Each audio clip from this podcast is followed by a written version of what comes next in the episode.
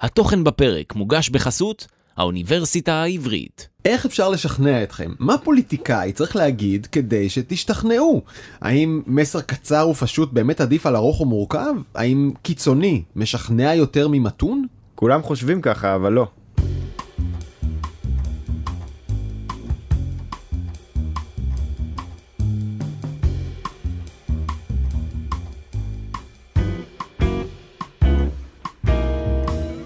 אנחנו שאלה אחת ביום בשיתוף האוניברסיטה העברית. אני דרור גלוברמן, ואנחנו כאן כדי להבין טוב יותר את המוח האנושי. אחת לשבועיים נארח את מיטב החוקרים מהאוניברסיטה כדי להבין את הקשר בין המוח לגוף, לרגשות, למוזיקה, לעמדות פוליטיות ולחיים שלנו בכלל. והיום איתנו דוקטור ערן אמסלם, אתה אלוף בלשכנע אנשים?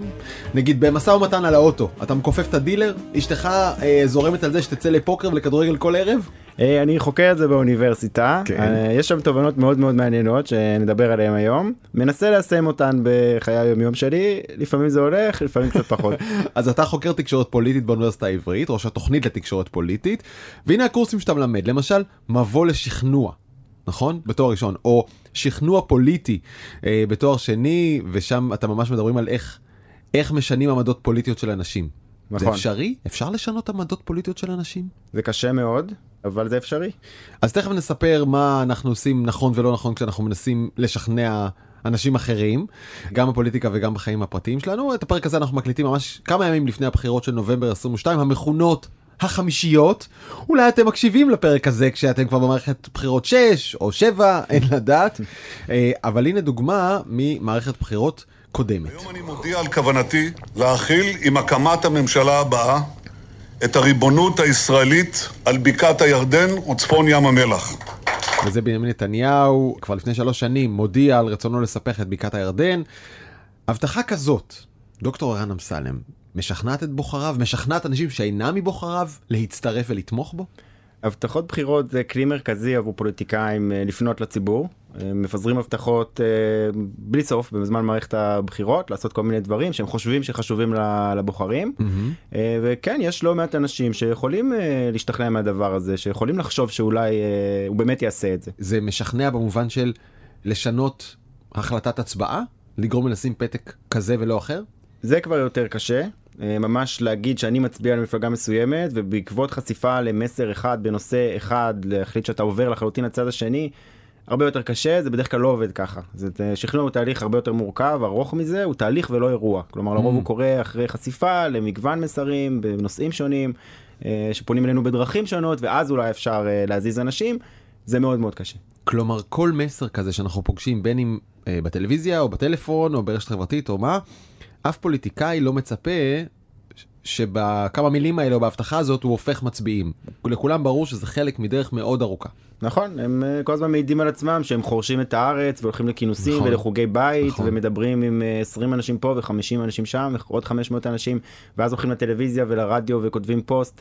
הם מנסים בכל דרך אפשרית לחזור על אותם מסרים פעם אחרי פעם אחרי פעם, קצת לגוון אולי באיך שזה נשמע, אבל בסך הכל אה, ברור להם שמסר אחד לא עושה את העבודה ושזה דבר מתמשך. ולמרות, והרבה פעמים למרות כל המאמצים האלה זה בפועל לא עובד. זאת אומרת זה לא מובטח, לא וואו. מובטחת הצלחה. אה, אתה יודע, עכשיו אפשר גם ל- לספר על הצד השני של אותה הבטחה של אה, נתניהו, שהיא לא קוימה כמובן. והאם הפרת ההבטחה, האם היא משכנעת אולי אנשים ומרחיקה את התומכים שלך החוצה, מרחיקה אותם ממך. אפשר גם בהזדמנות זו להזכיר את ההבטחה של בנט, לא יושב עם לפיד, כתב וחתם והפר, האם זה מרחיק? נכון, אז זה באמת משהו שבדקנו במחקר, שרצינו לבדוק איך הם מגיבים כשהם שומעים שפוליטיקאי הפר הבטחה, משהו כן. שהוא התחייב במפורש לעשות, כן. לא משהו עמום, משהו קונקרטי, כן. כמו לספח את בקעת הירדן, אפשר לבדוק אם זה קרה או לא, והרבה פעמים פוליטיקאים אנחנו יודעים שמבטיחים הרבה יותר ממה שהם בפועל יכולים לקיים או מקיימים, ומה קורה כשאנשים מגלים שזה לא קרה. הנחת המוצא, אני חושב, לפחות באידיאל, בדמוקרטיה, תהיה שלאנשים צריך להיות אכפת. נכון. כי זו דרך לדרוש אחריות מפוליטיקאים ולוודא שהאינטרסים שלנו מיוצגים. כלומר מי שהבטיח ואולי אפילו תמכתי בו ואז הפר את הבטחתו מן הדין אתה אומר או זה הגיוני בדמוקרטיה שאני לא אתמוך בו יותר כדי להעניש אותו על נכון? כן. בדיוק. אז בדקנו אם זה באמת המצב, ו- עשינו סדרה של ניסויים מבוססים על אה, סקרים, גם בארצות הברית, גם בישראל, והצגנו לאנשים אה, הבטחות אמיתיות של פוליטיקאים אמיתיים שהופרו או מומשו, ורצינו לבדוק אם באמת זה המצב. ומה שמצאנו בפועל, בצורה עקבית, זה שלאנשים לא אכפת. לאנשים לא אכפת. זה נורא. זה אומר שאו שאנשים הם סליחה אהבלים אני אומר סליחה אבל אני מדבר לכולם על כולנו זה נכון לכולנו מה שאמרת לא אכפת לנו אם מבטיחים ומפרים או שכל השיטה הזאת שנקראת דמוקרטיה שגויה מן היסוד. יש איתה בעיות. יש איתה בעיות. אה, אנחנו בהרבה דברים רחוקים מהאידיאל. מה זאת אומרת לא אכפת כלומר אם אני תומך אז אני תומך ואם אני לא תומך אז אני לא תומך ושום. הבטחה או הפרתה לא ישנו את זה. אפשר לחלק את זה לצד שלי ולצד השני. כשפוליטיקאי מהצד שלי נניח שאני תומך ליכוד ואני שומע שנתניהו אה, הבטיח לספח את בקעת הירדן ולא עשה את זה זה לא יזיז לי. כן. זה לא אכפת לי אני לא אעניש אותו ואני פשוט אמצא דרכים להצדיק את זה. ולמשל אני אגיד שכולם עושים את זה זה מה שפוליטיקאים עושים הוא נכון, לא היחיד. נכון. או שאני אגיד זה בכלל לא נושא חשוב הוא הפר כאן אבל יש הרבה דברים אחרים הרבה יותר חשובים. כן. אני יכול להגיד שבכלל התקשורת היא מוטה ורודפים אותו וזה בכלל למה מתמקדים בזה ולא בהרבה דברים אחרים טובים שהוא עשה כל מיני דרכים כאלה שאני אמצא להצדיק כשזה הצד שלי. או להצדיק נגיד אה, קונקרטית לסוגיה הספציפית הזאת זה היה בלתי אפשרי כן. אמריקאים לא אפשרו. ובמקום זה הוא יצא עם אה, הסכמי שלום עם ארבע מדינות ערב נכון, מדהים. נכון, להסיט את הדיון לכיוונים שקצת יותר נוחים. אז זה כשזה מהצד שלך, מה קורה כשזה מהצד השני? נניח שאני תומך לא ליכוד או אפילו מפלגה מהגוש הנגדי, מאוד מתנגד אה, יאיר לנתניהו. לפיד הבטיח להקים ממשלה קטנה עם 18 שרים נכון, בטח לא והיו כמה, היו הרבה. יותר. שם דווקא ציפינו שיהיה את האפקט הזה של הענישה או של הירידה בהערכות כלפי הפוליטיקאים בצורה יותר משמעותית. כשאתה אומר שם זה מה? אה, בשמאל מרכז? לא, לא בהכרח. כשאתה נחשף להפרה מהצד השני. של פוליטיקאי שהוא לא מהמפלגה שאתה תומך בה. מה יש לי להעניש אותו ממילא אינני תומך בו. בדיוק אז זה בדיוק הממצא יפה עלית על זה בלי שאני אגיד מה שקורה שם זה שבממוצע אנחנו במחקר קוראים לזה אפקט רצפה הבסיס של התמיכה בפוליטיקאים מהצד השני הוא כל כך נמוך כן. בטח בסביבה מקוטבת עם ה- ככה התחושות הלא טובות שיש לנו הרבה פעמים כלפי הצד השני שכבר אין לאן לרדת כן. לא משנה אם הוא הפר או מימש אני אשנא אותו או לא אוהב אותו או אעריך אותו בצורה מאוד שלילית בכל מקרה כן. אז אנשים מוכנים לאפשר לפוליטיקאים לעשות את זה ומוצאים דרכים אה, להצדיק את זה. אבל אתה אומר שתומכיו של נתניהו סלאש של לפיד אף אחד מהם לא נגרע או תמיכתו איננה נחלשת בגלל הפרת הבטחה. כן, אף אחד זה אומרת, בן אדם אחד, שניים, עשרה, חמישים יכולים כן. להיות, אבל כשאתה חושב על ברמה האלקטורלית, על קבוצות משמעותיות של מצביעים, שזה באמת יכול להיות, גם אנחנו נראה את זה מובהק סטטיסטית במחקר, וגם בפועל אולי יראו את זה כ... זה משותף לימין ושמאל אותו דבר. כן, ימין זה ושמאל, לא. ישראל וארצות הברית, תגיד, מאוד אולי זה, עקבי. אולי זה קשור דווקא לסביבה המקוטבת, שעד כמה שהמנהיג שלי מאכזב אותי ומפר את ההבטחות, המחשבה לעבור מחנה בכלל לא עולה על דעתי, כי הלוא המחנה השני הוא לא כמה עמדות אחרות שאפשר לשקול אותן, אלא בסביבה מקוטבת זה... התגלמות הרוע. התגלמות הרוע, הם האויב, הם כן. מסוכנים. הם מוסריים, מסוכנים, כן. ולכן הרעיון לעבור את הכביש עד אליהם הוא בלתי אפשרי נכון, בכלל. ואז אתה בעצם מרשה לעצמך לספוג, או אתה מאפשר לפוליטיקאים לעשות כל מיני דברים שבמצב אחר אולי לא היית מאפשר, או לא היית צריך לאפשר. אתה יודע זה הופך את כל הרעיון של בחירות אמנם בפועל בישראל אנחנו רואים עד כמה הבחירות הן חסרות ערך כלומר במובן הזה שלא מגיעים להכרעה ואי אפשר לקדם כלום כי אנחנו מגלגלים כבר שלוש שנים ממערכת למערכת אבל אם אנשים לא יכולים לשנות את דעתם אין כמעט משמעות לבחירות האלה זה סתם כמה אנשים יצאו מהבית וכמה לא. אף אחד לא ישתכנע ואף אחד לא ישתכנע. כן, היא כלום. בדיוק עקבית עם מה שאנחנו רואים בישראל בשנים האחרונות. התיקו המתמשך הזה הוא בדיוק מעיד על זה שאנשים, לפחות לא בכמויות, אנשים לא עוברים מצד לצד, הם לא משתכנעים. כן. וגם אם יש מעט אנשים, קבוצות מאוד קטנות, אז איכשהו זה מתאזן עם אנשים מהצד השני שעוברים מהצד ההוא, ואנחנו לא רואים תנועות בכמויות. אחרי שדיברנו על הבטחות והפרתן ובעיקר ההשפעה של זה על דעת הבוחר והבוחרת, אתה יודע של הדוקטורט שלך שעסק בפשטות מול מורכבות. נכון. נכון. אה, בהתבטאויות של פוליטיקאים, באופן כללי מה שמעניין אותי זה מה פוליטיקאים אומרים, כמו עם ההבטחות, מה הם אומרים, איך הם מתבטאים, באיזה אופן הם פונים לציבור ומנסים לשכנע אותו כן. בכל מיני דברים, בין היתר לתמוך בהם, ובעיקר איך זה משפיע על אנשים, איך זה משפיע על הציבור. תראה אם אני עכשיו אם אתה ואני נצא עכשיו פה החוצה לרחוב הברזל ונשאל אנשים איזה מסר עובד יותר עשרה מעשרה יגידו לך מסר פשוט נכון. וקצר עובד יותר טוב מאשר מסר נכון. מורכב וזו וארוך. בעצם הייתה, נכון מאוד, וזו בעצם הייתה המוטיבציה לעבודת הדוקטורט. מה יש לחקור כאן זה לא ברור מאליו אז הרבה פעמים אנחנו חושבים שיש דברים שהם מובנים מאליהם, אבל הם לא באמת נבדקו, אתה הולך רגע ובודק ומסתכל ומחפש מחקרים, אתה אומר כן. אולי פספסתי משהו, ורגע, זה בטוח מבוסס על אה, משהו שיטתי, מחקרי, מדעי, ואני גיליתי שלא, זה פשוט לא. והלכתי ובדקתי את זה. יצרנו מסרים פשוטים ומורכבים של פוליטיקאים, הצגנו אותם למדגמים של אנשים, ורצינו לראות אם באמת הפשוט עובד יותר טוב. ו... לא עובד יותר טוב. איך? פשוט לא עובד יותר טוב, ומה שאני מראה זה שאפילו ההפך נכון. זאת אומרת שלהגיד משהו חד צדדי, שמתעלם מניואנסים ומורכבויות, ומתעלם מטענות נגד ומזה שהדברים בדרך כלל הם לא כל כך פשוטים בפוליטיקה. נושאים פוליטיים הם כמעט תמיד מורכבים, נכון. וכמעט תמיד יש בהם לפחות שני צדדים, תחרות בין ערכים או בין שיקולים, ואם אתה תגיד רק צד אחד, ואתה תגיד את זה בצורה מאוד מאוד נחרצת, יכול להיות שבקרב ה base מה שנקרא, המצביעים, התומכים, האדוקים של אותו פוליטיקאי או של אותה מפלגה, יכול להיות שאצלם זה יתקבל בצורה חיובית, אבל זה לא שכנוע. כי שכנוע זה לא לפנות למי שכבר תומך בך, אלא זה לקחת אנשים, לפחות כמה מהם, מהצד השני, ולמשוך אותם לכיוון שלך. לפתות אותם להגיע לכיוון שלך. ואם אתה מתעלם ממה שחשוב להם, כלומר מהשיקולים הנגדיים, ובאופן כללי מזה שהנושא הוא טיפה מורכב כנראה, אתה פוגע בעצמך. אני חושב שכל מי שאומר שמסר פשוט אה, עובד טוב יותר ממורכב, א', אתה יודע, הולך אחרי האינסטינקט שלו עצמו, וב', אולי מניח הנחה די מבוססת שבתוך כמות הרעש וכמות המסרים שאנחנו נחשפים אליהם, אין לנו כבר קשב הרי של יותר מ-8-9 שניות, אז מה שנכנס ב-9 שניות זה מה שאני יכול לתפוס, זה מסר קצר בהגדרה. אני לא יושב ואקרא עכשיו פסקאות על פסקאות של אה, מסמך פוליטי מבוסס, נכון? תוכנית 100 ימים, הנה, קח, 27, למה 27? 270 עמודים של מה נעשה בחינוך, בוא, מי יכול לקרוא את הדבר כן, הזה? יש גם דוגמאות לזה, מתווה הגז, כן. ופרשת הרפז. וכל מיני דברים כאלה כל כך מורכבים שאנשים פשוט הפסיקו להקשיב. אלה מדהים. דוגמאות קיצוניות, אבל זה קורה גם בנושאים יותר, אה, אנשים מוכנים. לדבר על זה הרבה יותר ממה שמוכנים לקרוא על זה, הם פולטים הרבה יותר אינפורמציה ממה שהם כן. פעם הכניסו, ועם נכון? עמדה בלי בהכרח שידעו יותר מדי אבל אני חושב שזה גם מצביע על פער קצת יותר גדול בין כן. מה שפוליטיקאים עושים כדי להשיג תשומת לב בטווח הקצר אהה. לדוגמה חשיפה לפוסטים ברשתות חברתיות או ראיון בתקשורת לבין מה שבפועל באמת עובד. והרבה פעמים אני גם אם הם לא יודעים בהכרח שזה לא עובד אולי גם הם חושבים שזה עובד אני לא יודע. הרבה פעמים מה שמאפשר להם להיכנס לחדשות למשל לתת מסר כזה קצר פשוט קליט הוא לא בהכרח מה שישפיע על מצביעים. וזה איזה trade off כזה כי גם חשיפה ציבורית זה משהו שחשוב לפוליטיקאים. אז רגע. אה, לפעמים זה בא על חשבון היכולת לשכנע. תשמע, אני, אני מאמין שכשאדם אומר לך שמסר פשוט בטח עובד יותר טוב, גם יש פה איזו הנחה מובלעת שהוא לא אומר אותה, שרוצה להגיד, תשמע, כולם אהבלים. אני לא, אבל אנשים אחרים שהם לא אני, הם לא מבינים משהו ארוך. ברור שהם יקשיבו למסר קצר וזה הסיכוי היחיד לשכנע אותם. ועכשיו אני צריך שתסביר לי טיפה יותר לעומק, מה גילית בעצם במחקר שלך? איך ייתכן שמסר מורכב פועל יותר טוב כש, כשאני מסתכל ימינה ושמאלה במערכת הפוליטית, הכל זה מסרים קצרים. אז המחשבה הזאת, הרבה פעמים אנחנו רואים תופעות בעולם ואנחנו חושבים שהעובדה ששתיהן מתקיימות ביחד מעידות על זה שאחת גורמת לשנייה. כלומר יש פוליטיקאי מסוים, נניח שיש לו סלוגנים מצוינים ונאומים נהדרים והוא מדבר בצורה מאוד מאוד ברורה, חד משמעית, פשוטה, ואנחנו רואים גם שהוא מצליח. כן. אנחנו יכולים להגיד, זה סיבה ותוצאה, הוא מצליח בגלל זה. בפועל פוליטיקאים אה, יכולים להצליח בגלל הרבה סיבות אחרות שהן לא בהכרח הדבר הזה. אני חושב שזה גם היתרון של מחקר שאנחנו עושים באוניברסיטה ושבאופן כללי חוקרים עושים, שהם צריכים לבודד השפעה של גורם אחד מה... אלף דברים אחרים שיכולים להצביע על הסיבה שאנשים, אה, אה, להשפיע על, על, על זה שאנשים יצביעו למועמד מסוים ולא אחר. אז קח אותי לנבחי נבחי הדוקטורט שלך, נבחי המעבדה, נבחי הבדיקה, איך עושים את זה?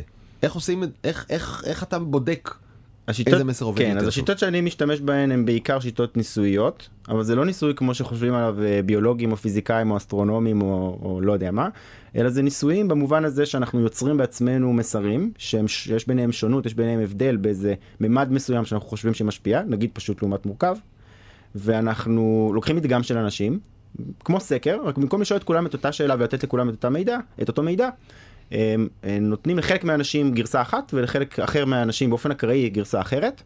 ככה שהקבוצות אמורות להיות זהות ביניהן ורוצים לראות אם אנשים מגיבים אחרת כשהם ראו נניח הבטחה באותו נושא שמומשה לעומת הבטחה ש, אה, שהופרה. מהמם. ואם אתה רואה הבדל ואתה יודע שהקבוצות זהות ביניהן חוץ מאשר בחשיפה לאותו מידע אז אתה יכול להסיק שזה סיבה ותוצאה. אוקיי, אז אם אנחנו הולכים מעולם של מסר פשוט מול מורכב, אז אתה אה, מחלק את הנבדקים, כן? הנבדקים ונותן לחלקם מסר קצר ולחלקם מסר ארוך ומורכב יותר שעוסק באותו נושא ורואה מה עובד יותר טוב. לחלקם פשוט ולחלקם מורכב. אתה יכול לתת דוגמה לאיך נראה פשוט ואיך נראה מורכב באותו... אז אמרתי ניקח דוגמה מהזמן האחרון נגיד יש את ההסכם עם אה, לבנון עכשיו. ואז יש בו שיקולים כאילו בעד ושיקולים נגד. שיקולים בעד זה אינטרס הביטחוני, זה דוחה מלחמה, זה מחזק את היציבות בלבנון, ואז מהצד השני יש טיעון נגד ההסכם שזה כניעה לסחיטה, בגלל שזה כניעה לאיום אה, מחיזבאללה, אה, ובהיבט הכלכלי מעבירים שדה גז ששווה הרבה מאוד כסף כאילו למדינת אויב. אז אתה אומר יש את הצד הזה ויש את הצד הזה, מסר פשטני יהיה להגיד רק אחד מהם. זאת אומרת רק להגיד אסור לעשות את זה כי זה כניעה לטרור. מהמם. ואתה מתעלם מזה שיש צד שני. כן. כאילו זה בעצם, ה... רגע, זה בעצם הרעיון. זה, לפחות- זה, זה פשוט במובן הזה. אנשים צריך לתת להם, זה משהו שעולה מהמחקרים שלי ושל אחרים, ואני מאוד מאמין בזה גם באופן אישי, צריך לתת להם יותר קרדיט ממה שהרבה פעמים נותנים. מהמם.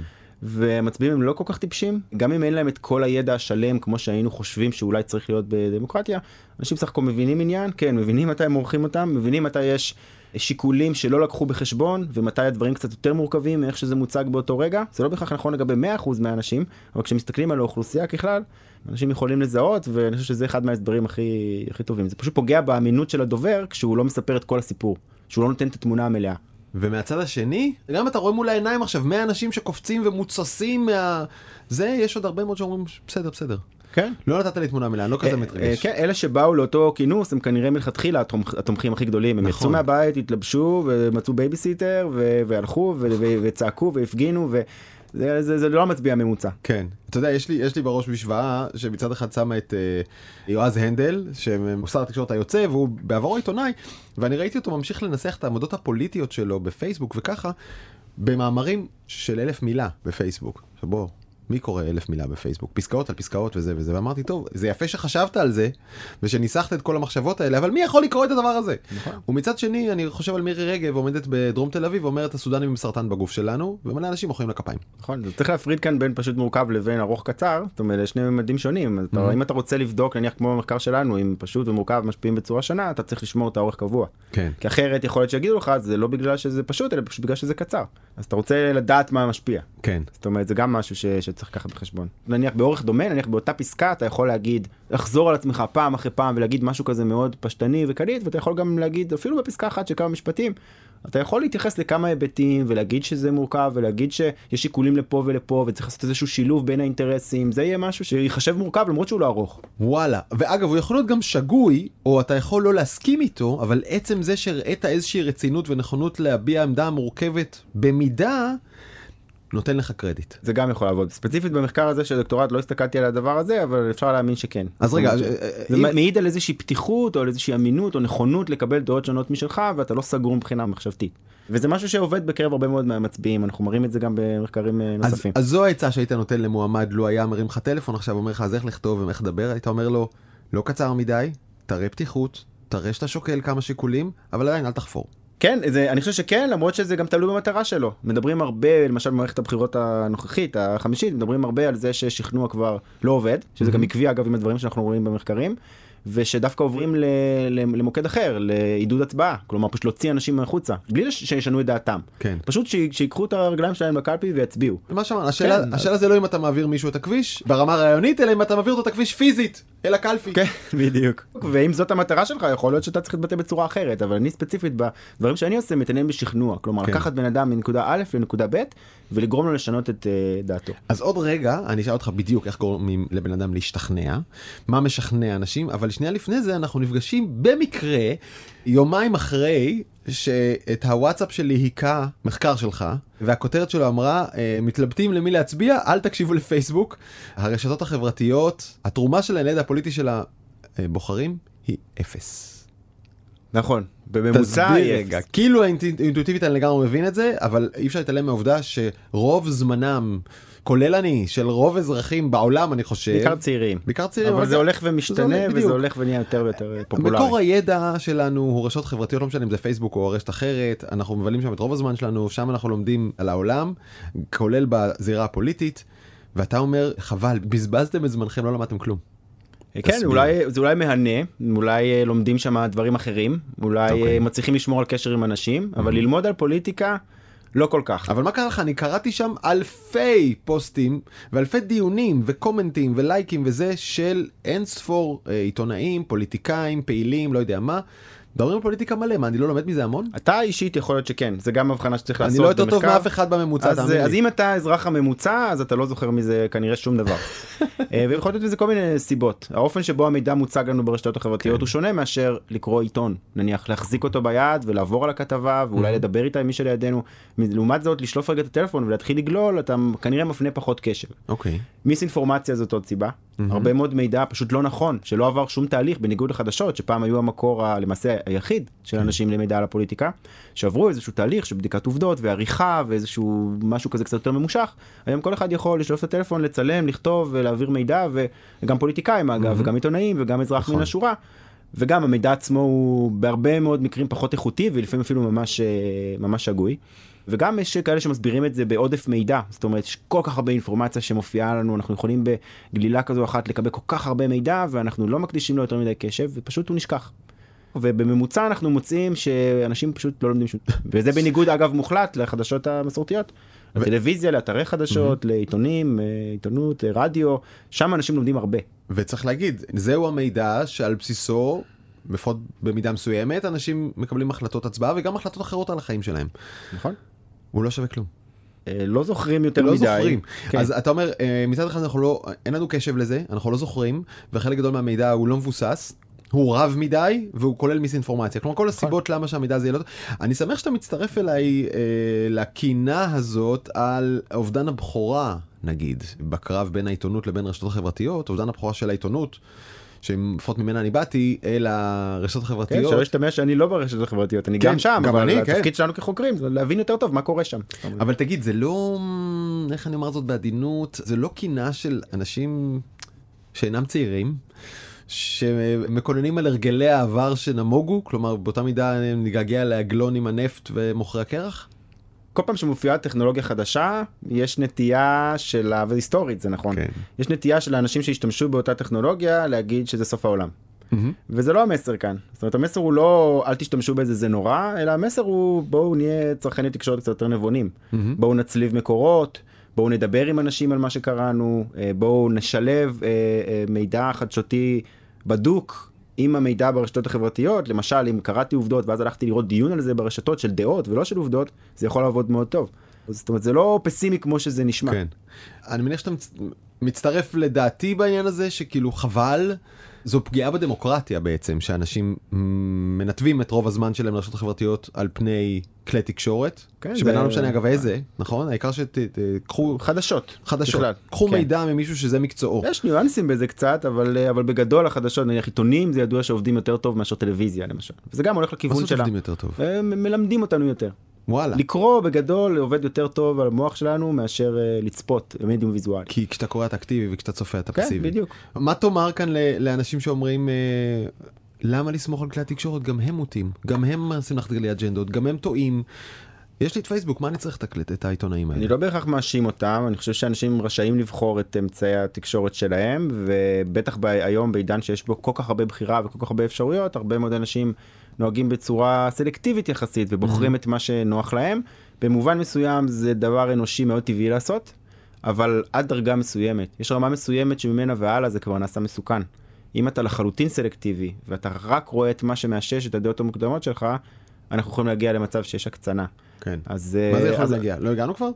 תלוי באיזה היבט, אבל אנחנו, זה מתחיל לקרות, אבל דווקא המחקרים מראים שזה לא בהכרח נורא כמו שחושבים הסלקטיביות של אנשים. זאת אומרת, יש נטייה הרבה פעמים לצייר את הציבור כסלקטיבי לחלוטין, ואיזה עדר כזה שהולך בצורה עיוורת. רגע, לא. כל אחד מאיתנו חי בתוך הפילטר באבל שלו, אנחנו רואים רק אינפורמציה לא, לא כל כך, לא בהכרח. אוקיי, לא, לא, אוקיי. ממש הצטברות של מחקרים מהשנים האחרונות, כן. מחו"ל ומישראל, שמראים שהתזה הזאת של התיבת התעודה, האקו נכון. צ'יימבר, זה כנראה לא נכון. יש אנשים שחיים בתיבת תעודה, מהמם. כנראה מדובר בשלושה, ארבעה, חמישה אחוז מהאנשים באוכלוסייה. אוקיי. הם האנשים שלחלוטין סלקטיביים ונוטים להיות גם אנשים די קיצוניים שמאוד מאוד מאוד מתעניינים בפוליטיקה. אבל זה לא הציבור הרחב. רוב הציבור צורך את רוב התוכן שלו מהרשתות החברתיות, שהן סלקטיביות אבל לא לחלוטין, ומחדשות המיינסטרים. זאת אומרת, מהערוצים המרכזיים ברדיו, בטלוויזיה, זה לא שה... זאת אומרת, הירידה, הפופולריות יורדת, אבל זה לא שזה כבר לא...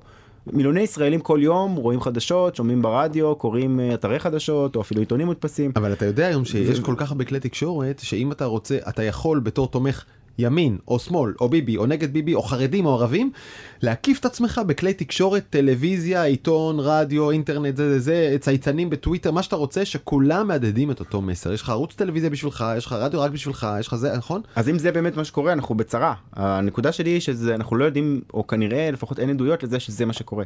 מעט מאוד אנשים חיים במציאות כזאת ורובנו. דווקא כן נחשפים למגוון הוא לא חייב להיות מגוון של 50-50 אם אתה תומך שמאל. אתה לא אתה לא צריך שהפיד שלך והחדשות שלך והתוכן שאתה נחשף אליו יהיה 50% ימין 50% שמאל ואז אתה תהיה מאוזן ואזרח נפלא לא בהכרח כן. יכול להיות שאפילו 80-20 מספיק.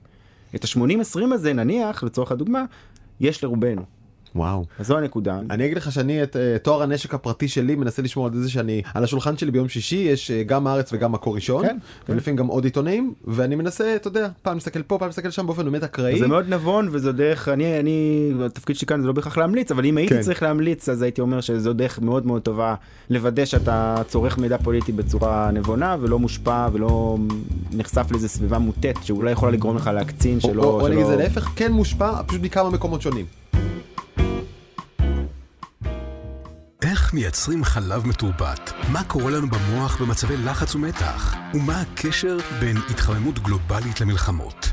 תנו למומחים של האוניברסיטה העברית לענות על כל השאלות. HUJI-Cast, הפודקאסט של האוניברסיטה העברית. מיטב החוקרים והחוקרות בשיחות מרתקות על תגליות מדעיות ופריצות דרך שישנו לכולנו את החיים. HUJI-Cast, האזינו בפלטפורמות ההסכתים ובאתר האוניברסיטה העברית. איך בדקתם את זה? איך בדקתם את זה שהגלישה ברשתות חברתיות, פייסבוק או אחרות, לא תורמת שום דבר לידע של בן כן, אדם? אז בניגוד למחקרים הקודמים, שם השתמשנו בסקרים ובניסויים, המחקר הזה הוא ניתוח על, באנגלית מטה-אנליזה, מהמם. שמטה-אנליזה זה כלי מדעי מאוד מאוד שימושי לצבור ידע. כי כל כן. מחקר נעשה בצורה קצת אחרת, אוקיי. במדינה שונה, מסתכל על מדגם שונה, בודק, חלקם בודקים את טוויטר, חלקם את פייסבוק, חלקם מסתכלים על צעירים, חלקם על כל האוכלוסייה. הרעיון של מטה-אנליזה זה לאסוף את כל המחקרים שנעשו בתחום הזה, ולעשות להם איזושהי אינטגרציה סטטיסטית, אה, בכלים ש... טוב, זה לא המקום לפרט אותם, אבל איזושהי אינטגרציה סטטיסטית, בלי. להיכנס, כן, בלי כן. להיכנס למתודולוגיה יותר מדי.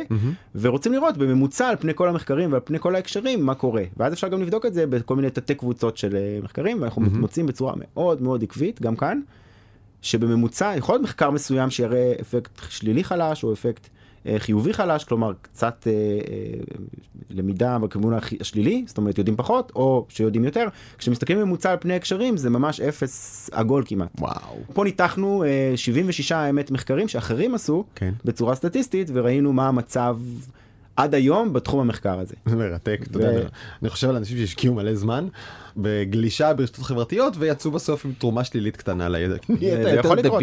כן, זה יכול לקרות. עוד אה, ציר שעליו אנחנו נעים ברשתות החברתיות זה המתון מול קיצוני. נכון. וגם כאן בדיוק כמו הקצר מול אה, ארוך או פשוט מול מורכב גם כאן שוב נצא החוצה נשאר פה עשרה מעשרה אנשים יגידו הקיצוני תופס יותר ממתון. תסתכל בבחירות תסתכל במדינות בעולם בפרלמנטים. נראה שהקיצוני מנצח את המתון או מתגבר על חשבון המתון הקיצוני מושך אליו מתונים. והאם זה קשור ברשתות חברתיות? כן, אז אה, באמת בדקנו את זה במחקר, זו הייתה למעשה במובן, אה, במובן מסוים הרחבה של עבודת הדוקטורט, שהסתכלה על פשוט לעומת מורכב, כלומר מהמם. סגנון התבטאות כזה שהוא יותר חד צדדי, נוקשה, דוגמטי מצד אחד, לעומת אה, שזה הצד הקיצוני או אולי הפשוט, ומהצד השני משהו קצת יותר אה, פתוח נקרא לזה, או קצת יותר אה, מאוזן, אוקיי. אה, והסתכלנו על הדבר הזה בצורה קצת יותר רחבה. אתה יכול להגיד פוליטיקאים ספציפיים ש... שדגמתם? פה לא היו פוליטיקאים אמיתיים, אוקיי. כדי למנוע הטיה שנובעת מהעמדה המוקדמת שלך כלפי הבנתי. הפוליטיקאי, אתה עושה משהו גנרי. אתה כן. רוצה לבדוק את הגורם, אז אתה מנטרל את רעשי הרקע. במקום הבנתי. להגיד נתניהו, כמו ראינו בהבטחות, כמו שראינו בהבטחות. הוא הפר הבטחה, אבל יש לי דעה כל כך חזקה על נתניהו, שאני בכלל לא מזיז לי הנושא של ההבטחות. אז פה רצינו לנטרל את הדבר הזה, נתנו לאנשים לבחור בין זוגות של מועמדים פיקטיביים. שהמועמדים האלה, אלה בבחירות, גם בישראל עשינו את זה וגם בארצות הברית במקביל. המועמדים עצמם הייתה שונות ביניהם בכל מיני ממדים, שבין היתר הממדים היו גם קיצוניות בעמדות, זאת אומרת. בעמדות מדיניות, מה הם ממש מציעים לעשות בהקשר של הסכסוך ובהקשר הכלכלי. אה, פה בישראל. גם בישראל וגם בארצות הברית. זה סוג אחד, וגם קיצוניות במובן של סגנון ההתבטאות. אם הוא יותר פשטני או קצת יותר מורכב, אם הוא, מעיד, אם הוא מביע חוסר סובלנות, אולי דווקא כן סו- סובלנות, חוסר סובלנות זה יהיה להגיד, האחרים לא, לא טועים, זה בסדר להגיד, אמ, אלא להגיד, העמדות של מי, שמנוג... מי שחושב אחרת ממני הן לא לגיטימיות. כן. זה למשל יהיה סגנון כן, התבטאות קיצוני. כן. שמאל בוגד. כן, הם לא לגיטימי, פשיסט. זה, זה, זה לא שהם טועים, אלא שבכלל אסור שיישמע, אי אפשר שיישמע קול כזה, כי זה אסור כן, לחשוב ככה, כן. אסור להגיד כאלה דברים. אז זה סוג שני של קיצוניות, ורצינו לבדוק אם אנשים, באמת, כמו שהרבה פעמים חושבים, רואים גם כאן, רואים איזושהי התאמה בין, הנה פוליטיקאי שצוטטו התבטאויות שלו בתקשורת למשל, שנתפסות כקיצוניות, והוא גם בסקרים, או ממש בבחירות, מצליח, נניח עם הזמן.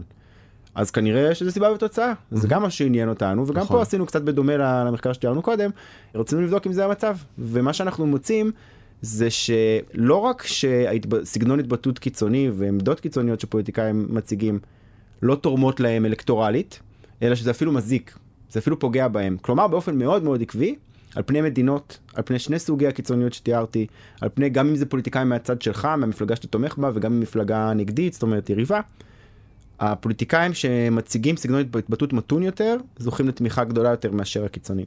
טוב זה מפתיע אותי כפליים כי אתה יודע אנחנו מסתכלים על מה קורה במדינות אירופה איטליה צרפת שוודיה גרמניה ישראל אתה רואה שקיצונים עולים לא? יש מקרים שבהם הם עולים, ואז באמת נשאלת השאלה למה. האם זה בגלל ההתבטאויות שלהם בתקשורת או ברשתות?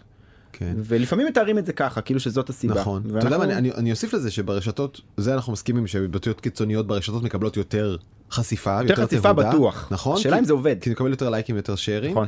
וגם, האם אתה מכיר את הגרף הזה? אני אנסה לתאר אותו על אף שאנחנו במדיום אה, של אודיו, אה, גרף אמריקאי של אה, חפיפה בעמדות, שהראה שב-94 העמדות בין הרפובליקאים והדמוקרטים, בין ימין ושמאל, היה הרבה מאוד חפיפה בעמדות, הרבה מאוד רפובליקאים החזיקו בעמדות דמוקרטיות והרבה דמוקרטים החזיקו בעמדות רפובליקאיות, ולא היה כזה הבדל גדול בינה, בין המפלגות, ועברו 20 שנה והמפלגות נצמדו לקצוות, נכון? נכון, כלומר, הן בעצם אנשים- נעות החוצה מהמרכז לכיוון הקצוות, כן. הדמוקרטים לכיוון האידיאולוגית הליברלי והרפובליקנים לכיוון השמרני, כן. אבל זה בקרב פוליטיקאים, אוקיי. לא הציבור. לא הציבור. זאת אומרת, אנחנו לא- אני אני אוסיף לזה עוד משהו. עובדת פייסבוק, שיצאה לתקשורת לפני שנה והלשינה לפרנסיס האוגן, שהלשינה ל-60 Minutes, יצאה עם מסמכים על מה פייסבוק חקרה ובדקה בפנים על ההשפעות הרעות של הרשת של עצמה.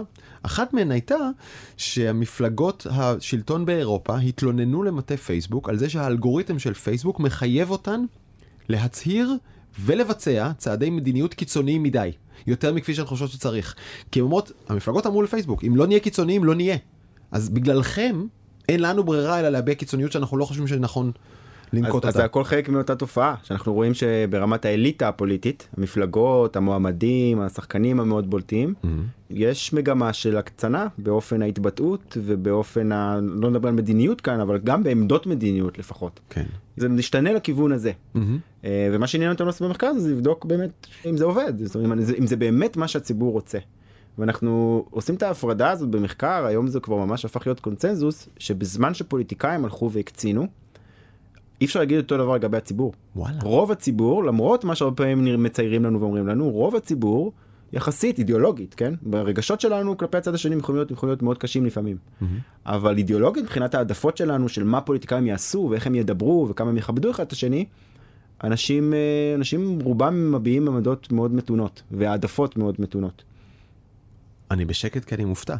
אה, כלומר, זה, כן. זה די שונה מהדרך שבה אנחנו רגילים לצייר את הציבור בישראל ובעולם. זה יותר מעניין לספר את הסיפור ככה נכון שאנחנו נמצאים במצב נורא וסוף העולם מעבר לפינה. תראה מה ו- אתה אומר לי, אתה אומר לי, אתה כעיתונאי, בבואך לתאר את העולם כעולם שבו הקיצוניים משגשגים כדי למשוך תשומת לב, מה שקורה בעצם זה שאתה משגשג על תשומת לב של הסיפור שלך, על אף שאיננו נכון. הם באמת מקצינים הפוליטיקאים וצריך להצביע אוקיי, צריך אוקיי. להצביע על זה. הפוליטיקאים כן, אבל אבל הציבור שאלה לא. מה קורה בקרב הציבור ומה שאמרתי עכשיו הוא מתייחס לציבור וזה- ואנחנו- אה, אה, שוב, אנחנו זה- זה לא נע במקביל יש כאן איזה ניתוק וזה ברמת הייצוגיות ושוב אם נחשוב כן. על דמוקרטיה רגע בשאלות היותר גדולות.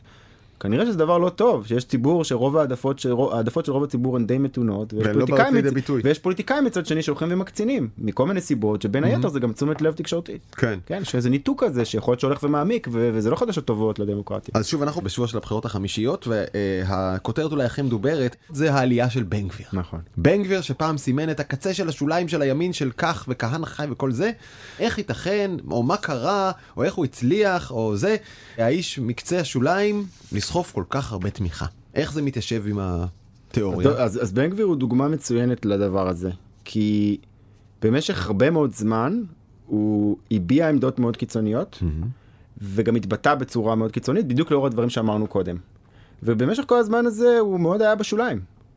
ועושה רושם שההצלחה, הפופולריות הציבורית ההולכת וגדלה שלו, באה במקביל להתמתנות שלו, לפחות מבחינה רטורית. אם הוא באמת מתכוון לזה ומה הוא יעשה אם הוא יקבל את הכוח, mm-hmm. אנחנו לא יכולים לדעת. כל אחד שיחליט ולפי זה יבחר מה לעשות.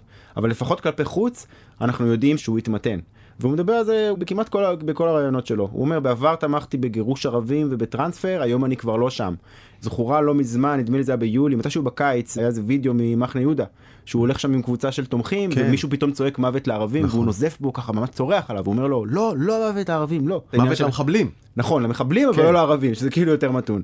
ויש גם את הנושא של אה, התמונה של ברוך גולדשטיין, שהייתה לו תלויה, ככה אומרים, אה, בבית הרבה מאוד זמן, והוא אומר שהוא גם אותה הוא כבר הוריד. הוא מנסה מאוד להראות כלפי חוץ שהוא כבר לא קיצוני כמו שהוא היה, ושהוא מתון יותר, ובמקביל אנחנו רואים עלייה בפופולריות שלו. אני לא יודע להגיד גם כאן בוודאות אם זה סיבה ותוצאה, אבל זה עקבי, זה קונסיסטנטי עם מה שאנחנו מראים במחקר. שכדי להגיע ללב המיינסטרים וכדי לזכות בלב של המצביע החציוני אנחנו קוראים לו, כאילו אפשר להגיד את זה, לחשוב על זה הממוצע, אתה צריך אה, לחתור למרכז. ולהראות איזושהי מתינות. אוקיי, אז הסברנו אתה הסברת, על אה, מה משכנע ובעיקר מה לא. אז מתינות, שכרגע ציינת אותה, היא אולי הפתח שלנו לנושא האחרון שלנו עכשיו בשיחה, ל... אז מהו מסר משכנע? לו פוליטיקאי מתקשר אליך להתייעץ, שומע? דוקטור אמסלם, לקראת בחירות שמונה, איך ארכיב את המסר המשכנע שלי? איך סוחפים אנשים? מה גונב אנשים במחנה אחר ומעביר אותם, אותם אליי? אני חושב שהתובנה הכי חשובה כאן אולי היא שאין מסר אחד שעובד על כולם. זו גישה אולי קצת יותר מיושנת שאומרת בואו נבנה, נהיה ככה יצירתיים ושיטתיים ונבנה את המסר הכי טוב ונפיץ כן. אותו בצורה מסיבית לכולם mm-hmm. וככה נשכנע אנשים. זה כבר לא עובד, זה לא עובד פשוט. הרעיון המרכזי שרואים במחקרים זה שאתה צריך לשכנע אנשים אם אתה תיגע במה שחשוב להם. Mm-hmm. הרבה מאוד פעמים אנחנו לא מצליחים, גם אחרי היום יום, לא רק בפוליטיקה, אנחנו לא מצליחים לשכנע אנשים, לגרום להם לשנות את דעתם, בגלל שאנחנו מדגישים בפניהם דברים שלא חשובים להם, שלא אכפת להם מהם, או שאנחנו מדגישים להם דברים שחשובים לנו באופן אישי.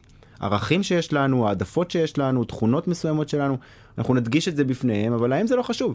אז אנחנו רואים את העיקרון הזה כל הזמן, כל אחד אולי יכול לחשוב על דוגמאות מחיי היום שלו שבהן הוא ניסה לגרום למישהו לעשות משהו, לשנות את דעתו, וזה לא הצליח, mm-hmm. ויכול להיות שזה היה בגלל זה. אז, אז זה הטיפ הראשון שלך לאותה פוליטיקאית מנהיגה שרוצה את עצתך, אה, אל תחשבי מה חשוב לך, תחשבי מה חשוב למצביעים, למצביעות שלך. נכון, זה א' ב', כן. אבל לא למצביעים ולמצביעות בממוצע לכולם, אלא לנסות לעשות על סמך כל המידע שיש, והיום יש כלים שגם אפשרים לעשות את זה, אונליין למשל, הסביבה הדיגיטלית והמידע mm-hmm. החברתית.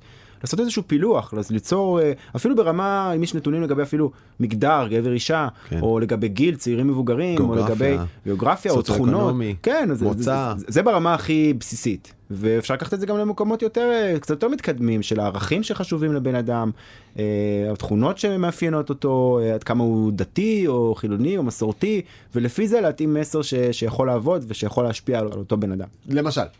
אה, דוגמה אחת טובה לזה אני חושב אה, ראינו בזמן הקורונה. מגפה עולמית רצו להתמודד איתה נכון ואחד הכלים המרכזיים היה של כל הממשלות בעצם בעולם מרגע שהיו חיסונים לגרום לאנשים לצאת להתחסן. לא הכריחו אף אחד מאיתנו בחוק להתחסן, ניסו לעודד אותנו לעשות את זה, ובשביל זה... יש שיאמרו שהחוק היה אה, תקיף מאוד עד כדי נכון, הכרחה. נכון, אבל אוקיי. בפועל לא, אם לא, לא הלכת לכלא אם לא עשית נכון. את זה. ובמקביל לצעדים שעשו כדי לעודד אותך בצורה מאוד מאוד אה, חזקה לעשות את זה, גם היו מאמצי שכנוע, היו קמפיינים שנתנו מידע, וראינו את זה מסביבנו בכל מקום.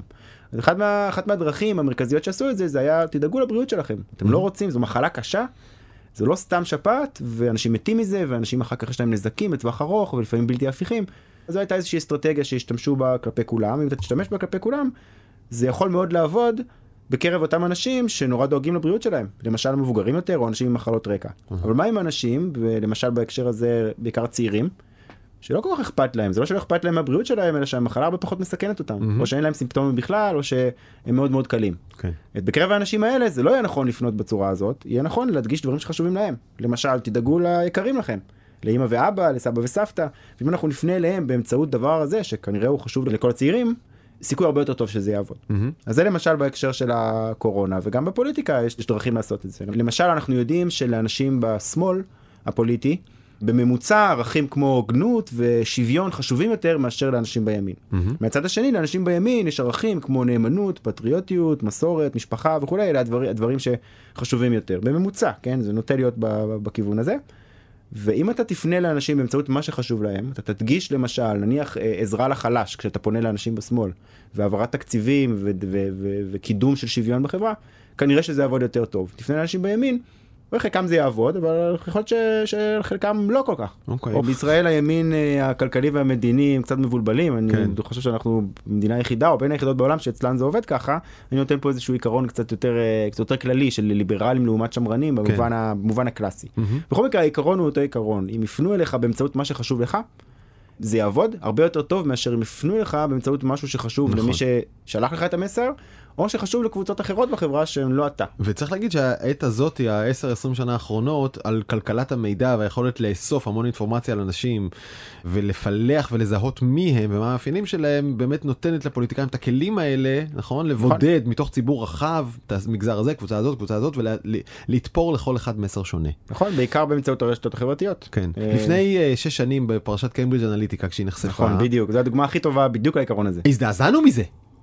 הזדעזענו אה, מהיכולת לתפור לאנשים לא את המסר הפוזיטיבי אלא את המסר הנגטיבי, המסר המבהיל שמפחיד כל אחד.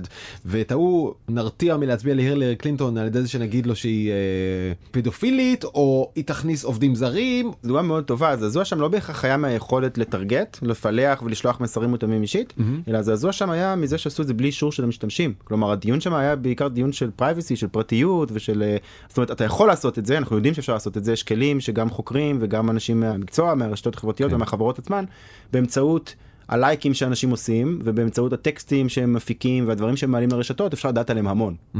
ואפשר גם להתאים להם מסרים, כולנו כל הזמן מקבלים מסרים מותאמים אישית. אה, ועקרונית אין עם זה בעיה. כן. הבעיה שם הייתה שאנשים לא נתנו אישרו, לא כן. נתנו אישור.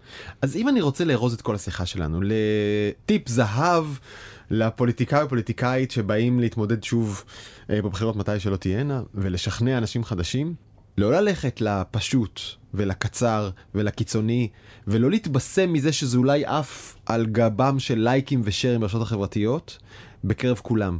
כי זה לא מעניין, זה לא מייצר שום תזוזה פוליטית. אם אתה רוצה לייצר תזוזה פוליטית, תמצא את הקבוצות הרלוונטיות, תתפור להן מסר שהוא לא קצר ולא פשוט, אלא דווקא קצת יותר מורכב ויותר מתון, ותדאג שהוא יגיע לאנשים שהמסר הזה מעניין אותם, ושם אולי תצליח להזיז מעט מאוד אנשים נכון לטובתך. כן, הבנתי? תלמיד טוב, כן, תלמיד טוב. אתה תלמיד היחיד פה, אבל uh, הצטיינות, תעודת הצטיינות. מבין כולם. מבין כולם. Um, אז אתה יודע, אם זה עדיין מעט, אני חייב לחזור לשאלת הבסיס. אז מה שכנע אותי כבר? אם זה לא ישכנע אותי עדיין, אם הסיכוי שזה לא ישכנע אותי עדיין קטן, ממה השתכנעתי כבר קודם, בתור מצביע? עמדה פוליטית הרבה פעמים זה משהו שנוצר בשלב מאוד מוקדם בחיים, ולעיתים קרובות הוא לא כל כך משתנה. בישראל יש אה, מחנות או גושים, בואו נחשוב על מערכת כמו האמריקאית. אה, שיש שתי מפלגות, לרוב אנשים בגיל די צעיר, ככה סוף גיל ההתבגרות, אה, הבגרות המוקדמת, מחליטים אני מזדהה עם המפלגה הזאת, אני שייך אליהם, וכל החיים מצביעים ככה. אנשים, לא שאף אחד לא עובר אף פעם, אבל לרוב, וזה נובע מהמשפחה ומהערכים, ויש כאלה שאומרים שאפילו מגנטיקה, ומכל מיני דברים כאלה. נכון. וסביבת המידע יכולה לעשות לך כל מיני דברים אחרים, נניח ביחס למועמד מסוים, או ביחס לנושא מסוים, אם יותר חשוב לך או פחות, אם אתה בכלל תצא להצביע או לא, אבל ממש לשנות את הזהות או את העמדות הככה יותר עמוקות. לא בלתי אפשרי אבל קשה. אתה מקבל שהvalues האלה האם אני אדם אה, שהוא יותר פתוח וליברלי ואוהב שינויים לעומת אני, אם אני אדם שמרן ששונא שינויים ורוצה שהדברים יישארו כמו שהם אה, זה באמת משהו שהוא ברמה גנטית הוא כאילו מקודד לתוך הגוף וזה לא ישתנה לעולם. יש עדויות ממחקרים שמתחילים להראות ש... שיש לזה מרכיב כזה האם הוא ה... מה הגודל של ההשפעה אם הוא חשוב יותר מאחרים קשה מאוד לקבוע את זה. אבל יש מחקרים שמראים את זה, אבל אפילו אם לא נלך לגנטיקה, אלא לתכונות האישיות, שאתה בעצם בדרך כלל, לא יודע אם נולד איתם, אבל זה מתעצב מאוד מוקדם, mm-hmm. בעיקר הנושא הזה של פתיחות לשינוי ולחוויה וכולי, שבדרך כלל זה משהו שמקושר עם אה, אנשים שהם יותר בכיוון השמאלי או ליברלי של המפה. יש מחקרים, בין היתר גם כאלה שאני עשיתי, לא דיברנו על זה כאן היום, שמראים שזה, כן, זה מנבא זהות מפלגתית וזה מנבא עמדות מדיניות בכל מיני נושאים, וזה הולך הרבה אחורה. אה. הפוסט הזה או הנאום הזה שראינו עכשיו יום או אתמול, אולי יזיז אותנו מילימטר לפה או לשם, אבל ליצור שינוי גדול אה, יהיה מאוד קשה. זה מייתר לחלוטין את כל שיחת השכנוע, אתה נולדת כבר ימני, זה לא משנה. אתה טוען, ש... וגם הניסיונות שלך לשכנע אחרים, לא, ברור שאני צודק, הצד שלי צודק, בוא אליי, כי ככה וככה, והוא שקרן, וזה אתה רואה, תסתכל על העולם, פתח את העיניים, טול קורה מבין עיניך, תסתכל על המציאות, ואתה רואה שהפלסטינים הם. כל זה אוויר, אתה נולדת ככה, זה האישיות שלך, זה לא משנה. בהקשר של זהות פוליטית ושל הצבעה למפלגה, זאת אומרת, לא, יותר נכון לגוש כזה או אחר, זה נכון, אבל יש הרבה דברים אחרים שבהם כן אולי אפשר לשכנע אותנו. נניח שיש נושא חדש, כן. או מועמד חדש, ושיש שתי מפלגות די דומות, mm-hmm. באותו גוש אידיאולוגי, שם הניסיונות האלה הופכים להיות יותר רלוונטיים. אתה שינית את העמדה שלך פעם באופן קיצוני, מצד לצד? פוליטית לא, בדברים אחרים, אני אה, חושב שכן. וכשאתה מנסה לשכנע אנשים אחרים, יש איזה כלי שאתה אוהב להשתמש בו כדי להצליח טיפה יותר? בכל זאת, אתה דוקטור לשכנוע. אני חושב שהדבר המרכזי זה לא להטיף. Mm. אנשים אה, מאוד חרדים לתחושת האוטונומיה שלהם, הם לא אוהבים שאומרים להם שהם טועים, ואני לא יודע אם מישהו אי פעם הצליח לשכנע מישהו אחר על ידי זה שהוא אמר לו, אתה טועה, אתה לא יודע על מה אתה מדבר, העמדות שלך הן פשוט לא מוסריות, הנה הסיבות, סיבה א', סיבה ב', סיבה ג', והבן אדם השני אמר וואו תודה הארת את עיניי אני עכשיו בן אדם אחר זה פשוט לא קורה. יש דרכים אחרות עקיפות לעשות את זה למשל לספר לו סיפור למשל לשתף בחוויה אישית שלך לא להיות שיפוטי כלפי דעה שונה משלך דברים כאלה שאנחנו גם יודעים ממחקרים שעובדים ו... וגם בחיי היום יום זה עובד. זה, זה עובד, זה לא תמיד יעבוד על כל אחד, אבל זה דברים ש... שלא. שנוטים לעבוד. דוקטור רן אמסלם, אני חושב שזו הייתה שיחה מצד אחד מעוררת תקווה, מצד שני המיתת הרבה תקוות אחרות של הרבה אנשים, אבל אתה יודע, טוב לפתוח עיניים למציאות ולא לתלות uh, תקוות שווא. כן, לא, אסור לנו להתייאש, יש, יש דברים שפשוט צריך לדעת אותם ו- ולנהל את הצריכת מידע שלנו ואת ההחלטות הפוליטיות שלנו בהתאם. בהתאם למידע ולעובדות בדוקות ולא לכל מיני אמונות רווחות כאלה שלא בטוח שנבדקו בכלל. ותעדיפו כלי תקשורת על פני רשתות חברתיות, זה ברור. כן, או לפחות גם וגם. תודה רבה. תודה. וזה היה שאלה אחת ביום. העורך שלנו הוא בר כץ, אני דרור גלוברמן, ואנחנו נהיה כאן שוב גם בעוד שבועיים.